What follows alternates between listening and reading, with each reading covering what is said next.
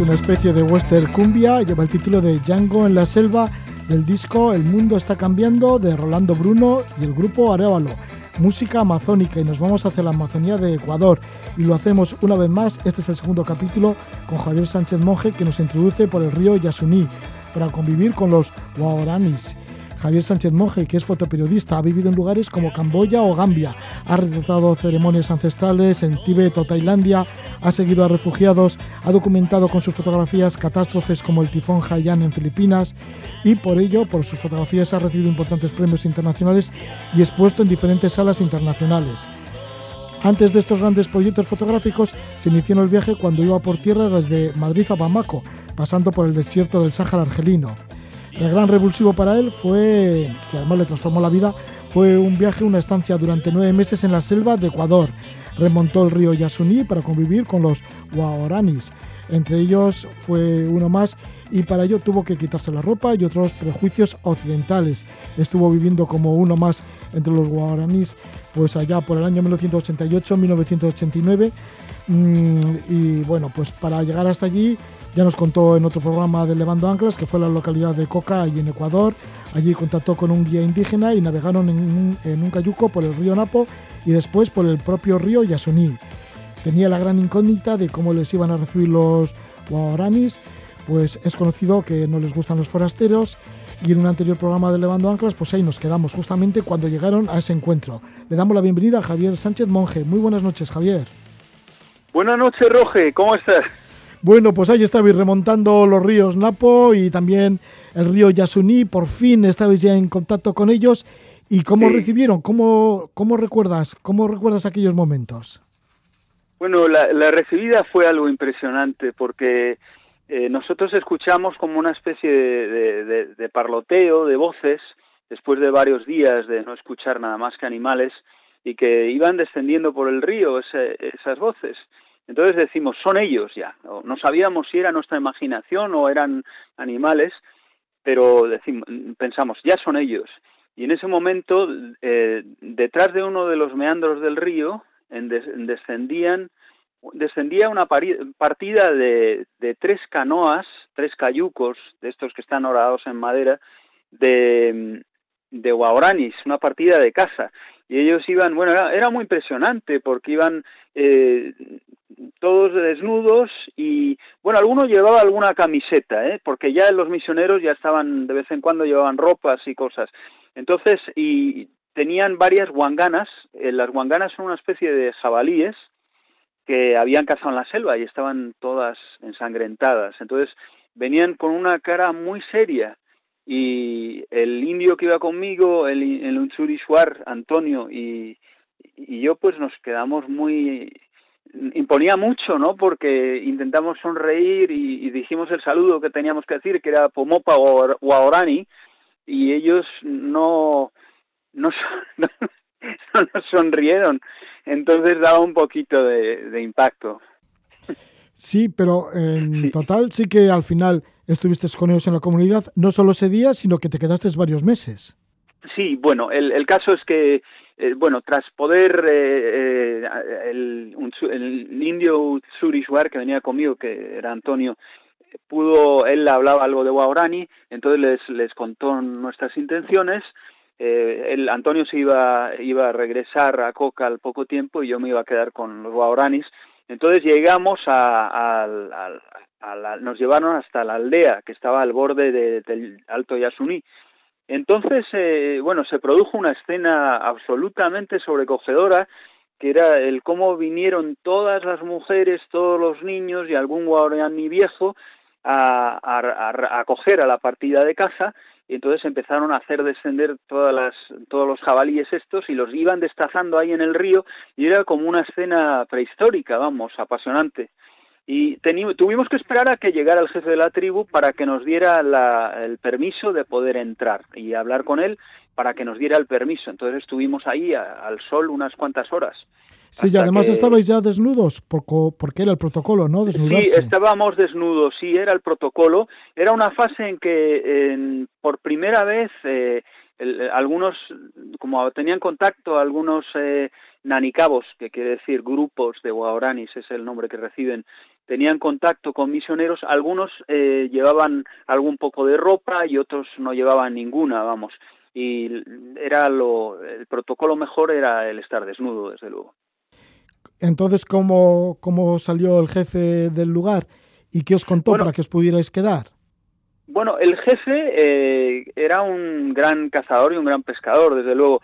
Entonces vino que estaba pescando en, en, el Alto Yasuni, más alejado, corriente arriba, y vino con muchísima pesca. Entonces era pues muy simpático, se, se partió de risa, le pareció todo muy gracioso, no paraba de reírse, él habló con Antonio y todo esto, eh, yo era muy joven en ese momento y yo era muy alto para ellos, porque bueno, yo, yo no soy, yo, yo mido 1,75, pero eh, es que ellos son muy, muy bajitos.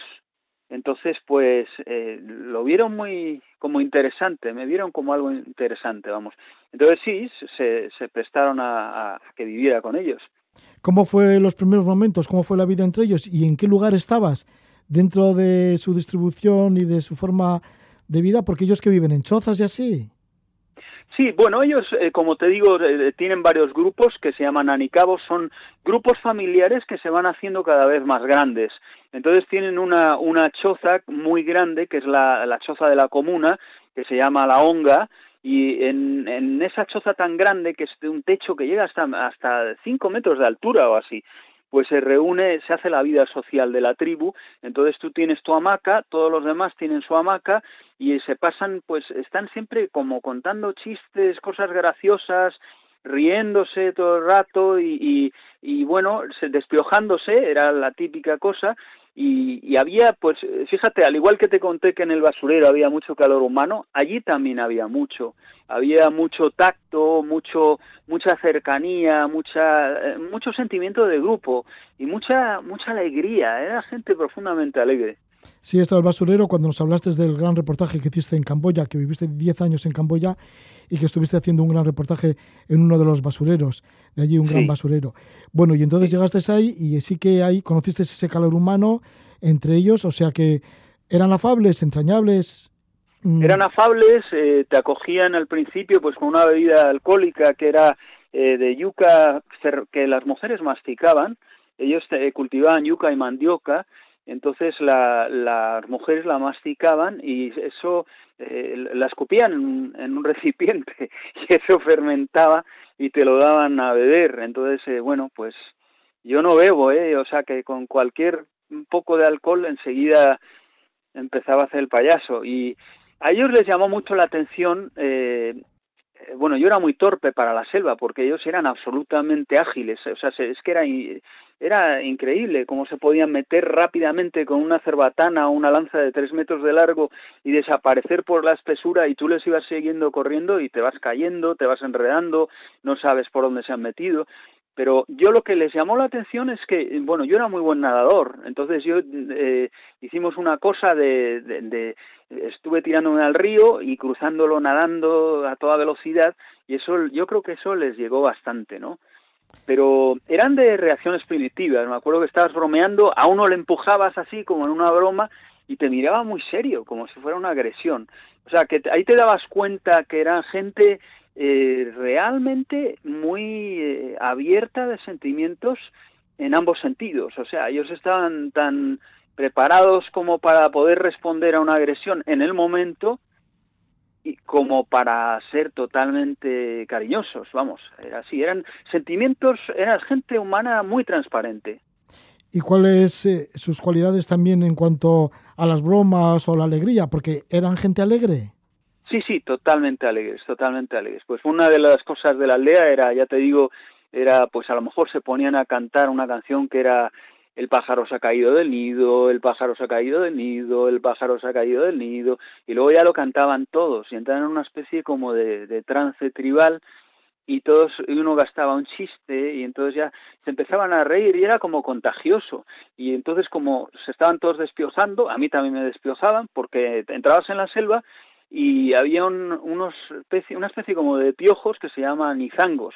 Y tú cuando entras eh, sales lleno de una especie de, huevecitos blancos por toda, como arroz, por toda la, todo el cuerpo. Y luego se ponen rojos porque se han bebido tu sangre. Entonces hay todo tipo de, de bichitos de estos que te hacen la vida imposible y los mosquitos eran lo peor porque contagiaban la malaria, ¿no? Y yo estuve con malaria muy mal también. Sí, sí, enfermaste muy gravemente de malaria, pero bueno, esto fue después. Y participabas eso en... después. Eso, ya lo contaremos. Y participabas también en las partidas de caza, ¿te internabas con ellos a cazar en la selva? Bueno, eso era absolutamente apasionante, apasionante. Mira, podíamos, eh, podíamos, teníamos partidas que eran desde ir a, a, recolectar, por ejemplo, huevos de charapa, que eran los huevos de tortuga, que ibas tanteando los lados del río y, y donde sonaba hueco, pues ahí había un nido de tortugas y, y cogían los huevos los indios y se, eran para comer, claro. Pero eh, había cosas de recolección de, de cosas, ¿no?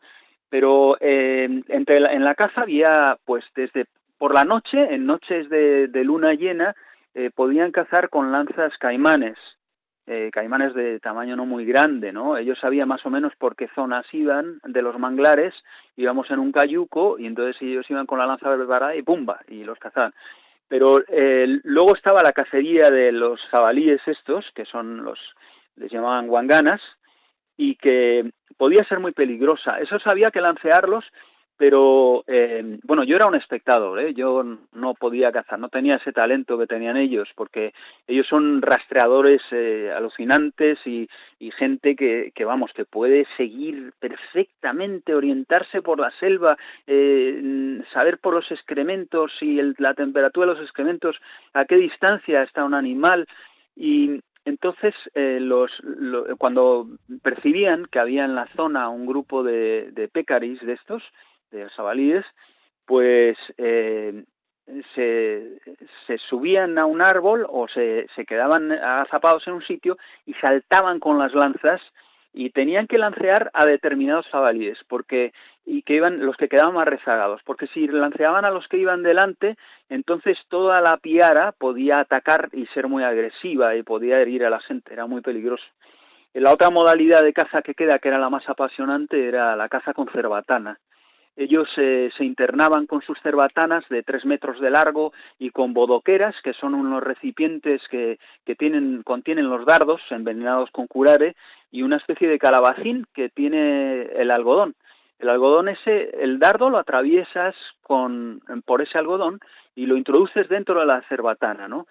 Entonces, bueno, yo en, la, en las cacerías muchas veces me perdía, era como un, una molestia para ellos porque ellos, eh, por ejemplo, si iban siguiendo el rastro de los monos, pues, o de pájaros, pues se comunican por sonidos. Llega un momento en que cuando vas avanzando y has avanzado un trecho y ellos eh, sienten la presencia de estos animales cerca, pues eh, ya no pueden hablar. Entonces son sonidos, es como ¡Wow, wow, wow, wow, wow, y, y se están hablando entre ellos.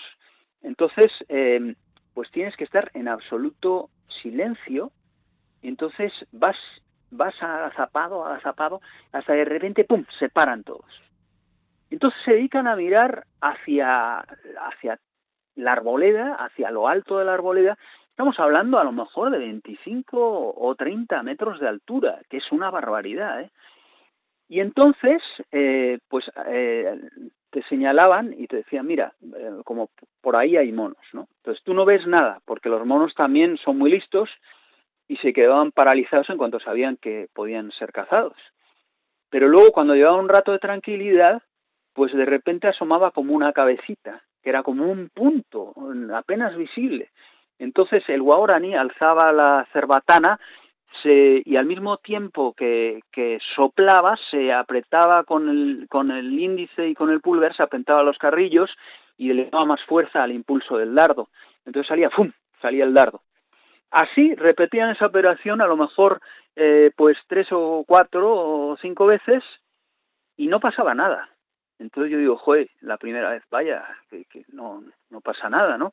Entonces empezábamos a andar y al cabo de un tiempo oías como boom, bam, bam, bam, que iban cayendo eh, estos monos que son monos, pues, no sé, pues uno, unos monos gigantes, son, son muy, muy grandes, que los ves como un, muy pequeños en la altura, pero cuando van descendiendo van dándose golpes hasta que aterrizan en el suelo.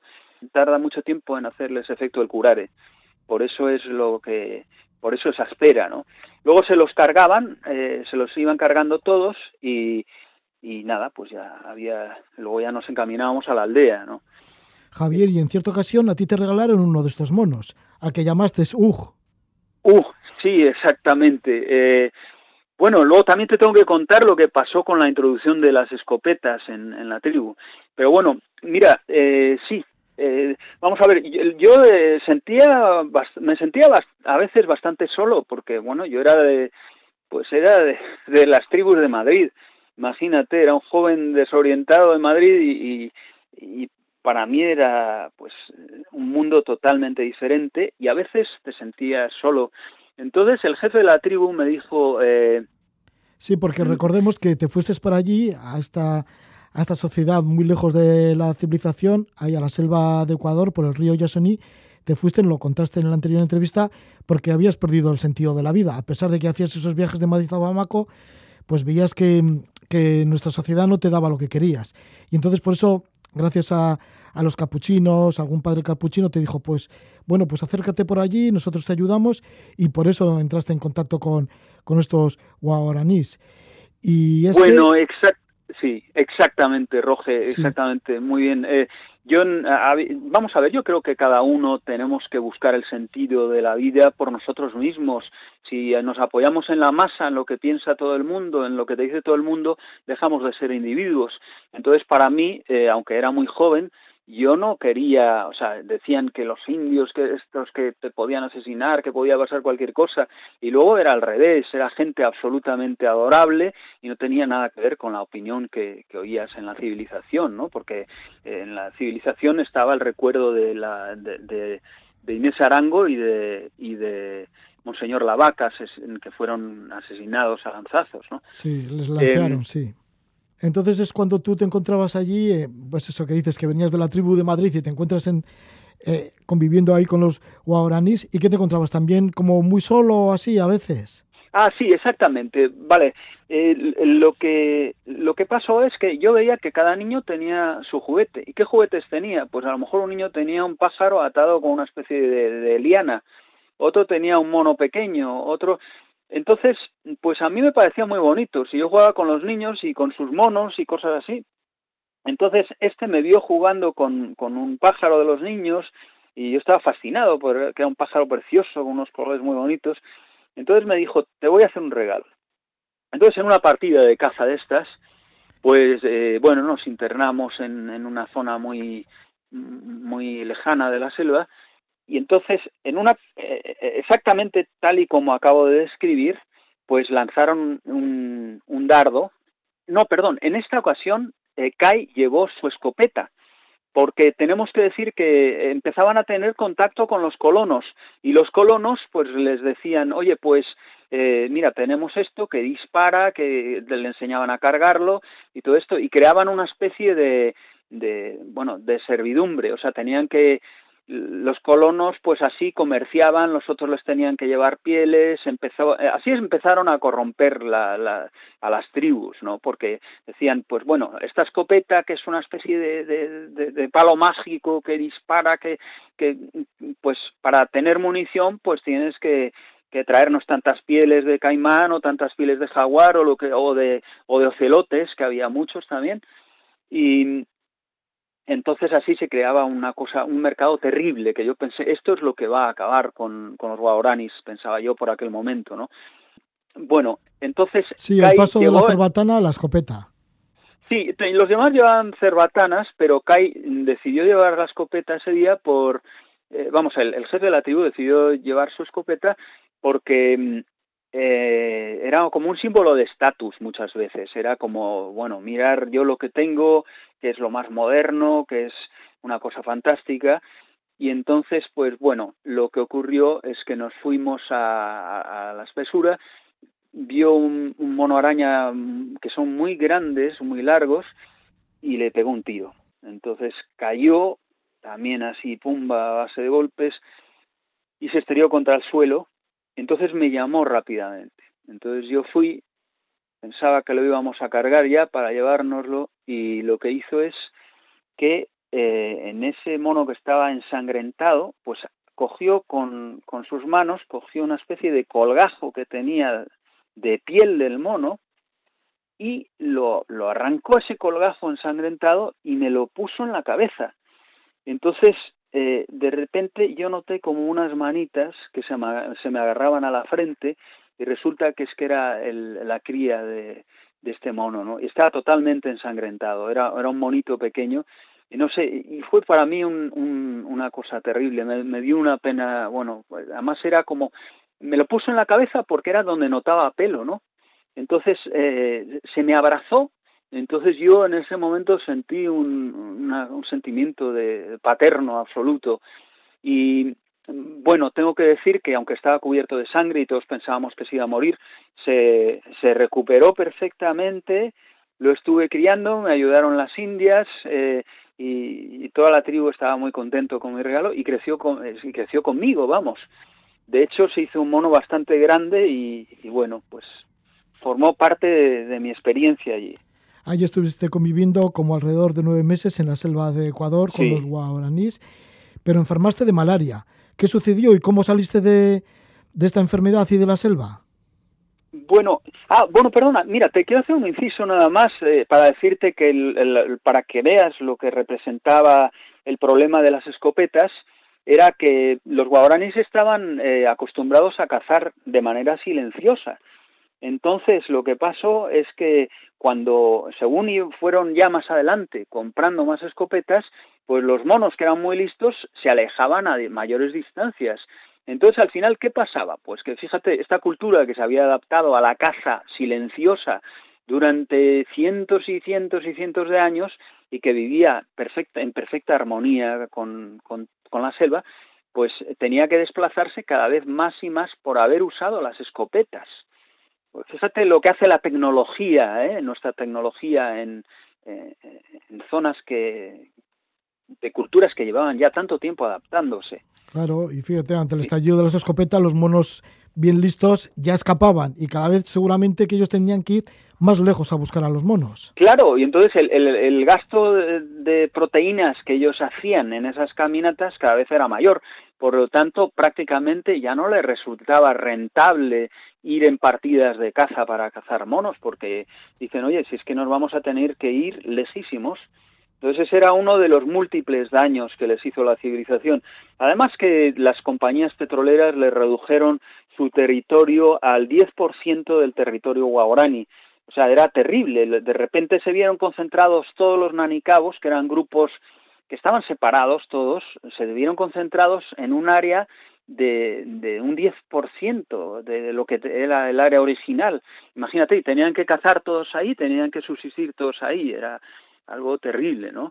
Javier, ¿y cómo enfermaste de malaria? Porque lo tuyo fue bastante grave, ¿no? Casi estuviste a punto de, de morirte. Pues sí, sí, estuve casi a punto de, de, morir.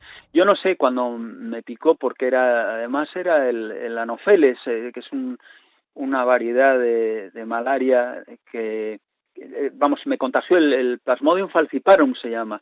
Es, es el, el, una, una, una variedad de malaria terrible, ¿no? Y eh, la verdad es que el, el, problema principal, además de las crisis que tenía de vez en cuando, que me ponía fatal con una fiebre tremenda, era que, que, que vomitaba muchas veces y, y, cuando llegué al límite era cuando estaba ya prácticamente muy, muy deshidratado porque tenía, bueno, pues tenía diarrea y estaba vomitando y cada vez estaba peor y llegó un momento que estaba bastante mal, la verdad. ¿Quién te salvó? ¿Cómo pudiste salir de allí, de la selva? Bueno, mira, eh, al, al, poco tiempo, eh, pues aparecieron, fue una cosa muy curiosa, porque aparecieron eh, tres eh, franceses que iban en una barca muy bien equipados y llevaban eh, como tres guías ecuatorianos y en la barca esa, con motor, con varios bidones de gasolina, con todo tipo de víveres, con todo tipo de cosas, pues estaban haciendo ellos un documental de la Amazonía y llegaron a nuestra tribu. Entonces, eh, a mí me llamaron los de Guaranis rápidamente para decirme, oye, que, que viene uno de tu tribu, ¿no? Porque ellos pensaban que como eran blancos, pues eran de mi tribu. Luego, estos, eh, la verdad que no, no me gustaron nada, o sea, ya en una actitud muy, muy prepotente, muy... Pero bueno, el caso es que salieron de la barca y, y, según venían, pues se quedaron asombrados, ¿no? Porque salí yo, pues con el pelo largo, con, con un aspecto de... Me, puse un, un, traje de baño que tenía, que estaba hecho girones. Y, y entonces les, les dije mi situación, ¿no? Entonces ellos, como precisamente iban a, a bajar, iban a subir unos días y luego iban a bajar, dicen, vale, pues si nos das, le tuve que dar algunas cosas, pues te dejamos en un puesto del ejército y ellos pues que hagan lo que sea, ¿no? Entonces, pues nada, en el, así fue, llegué al puesto del ejército, del puesto del ejército, eh, yo no sé ni cómo llegué, porque yo estaba delirando, estaba muy, muy mal. Lo que sí que tenía era U, ¿no? U no quería que me separasen de U nadie, vamos. Lo tenía abrazado conmigo todo el rato. U recuerdo que es el mi mono araña. Eh, entonces llegamos a, mm, yo no sé cómo terminé, pero llegué a la, a la misión, me llevaron a la misión de los capuchinos que había en Coca, y entonces un padre que era el padre Javier, un hombre absolutamente adorable, que era médico, lo primero que hizo, vio es que estaba totalmente deshidratado, me puso un, goteo, me estuvo dando una serie de, medicinas y me, tuvo en una, en una choza que me dio mucha pena porque me dijo, mira, aquí eh, se acababa de morir una, una india también que estaba muy grave y yo entré en, su misma choza, ¿no? Entonces estuve en, delirando, eh, me encontraba fatal, con casi con alucinaciones y, y al poco y el que estaba mm, todo el rato pendiente de mí, aparte del padre Javier, era era U, que estaba haciendo, jugando y haciendo el tonto por mi choza, ¿no? Y totalmente pendiente de mí, me, me miraba así. Yo a veces de repente en los delirios notaba una mano y, y es que me estaba abriendo los ojos para el uh, me estaba abriendo los ojos para ver si le miraba. Era algo increíble. Y bueno, así fue. Así fue. Bueno, te salvaste y ahora lo puedes comentar, lo puedes contar. Y fíjate, después de aquello, eso fue entre el año 1968 y 1989, después de aquello todo lo que has vivido, ¿no? Porque has escrito, por ejemplo, un libro que es El arte de la fotografía documental que lleva el subtítulo de Una odisea entre el cielo y el infierno, en el cual aparecen tus grandes reportajes como fotoperiodistas. De alguno de estos ya nos has hablado, como cuando estuviste en la catástrofe del tifón Haiyan en Filipinas, que lo retrataste, dejaste documentación sobre ello, o el gran basurero que conociste también en Camboya, cuando estuviste una década viviendo en este país. Bueno, pues de todo esto nos ha contado Javier Sánchez Monje. En un anterior programa también nos hablaste de la primera parte de cómo te acercaste a los guaranís allí en tu navegación por el río Napo y el río Yasuní y en esta segunda parte pues ya nos has comentado la convivencia que has tenido con ellos. Por ello te agradecemos un montón. Gracias por todo, Javier Sánchez Monje. Bueno, un abrazo, muchísimas gracias. Ah, eh, me gustaría decir que si a alguien le interesa, eh, tengo una cuenta de Instagram en arroba Javier Sánchez Monje eh, con G, todo junto.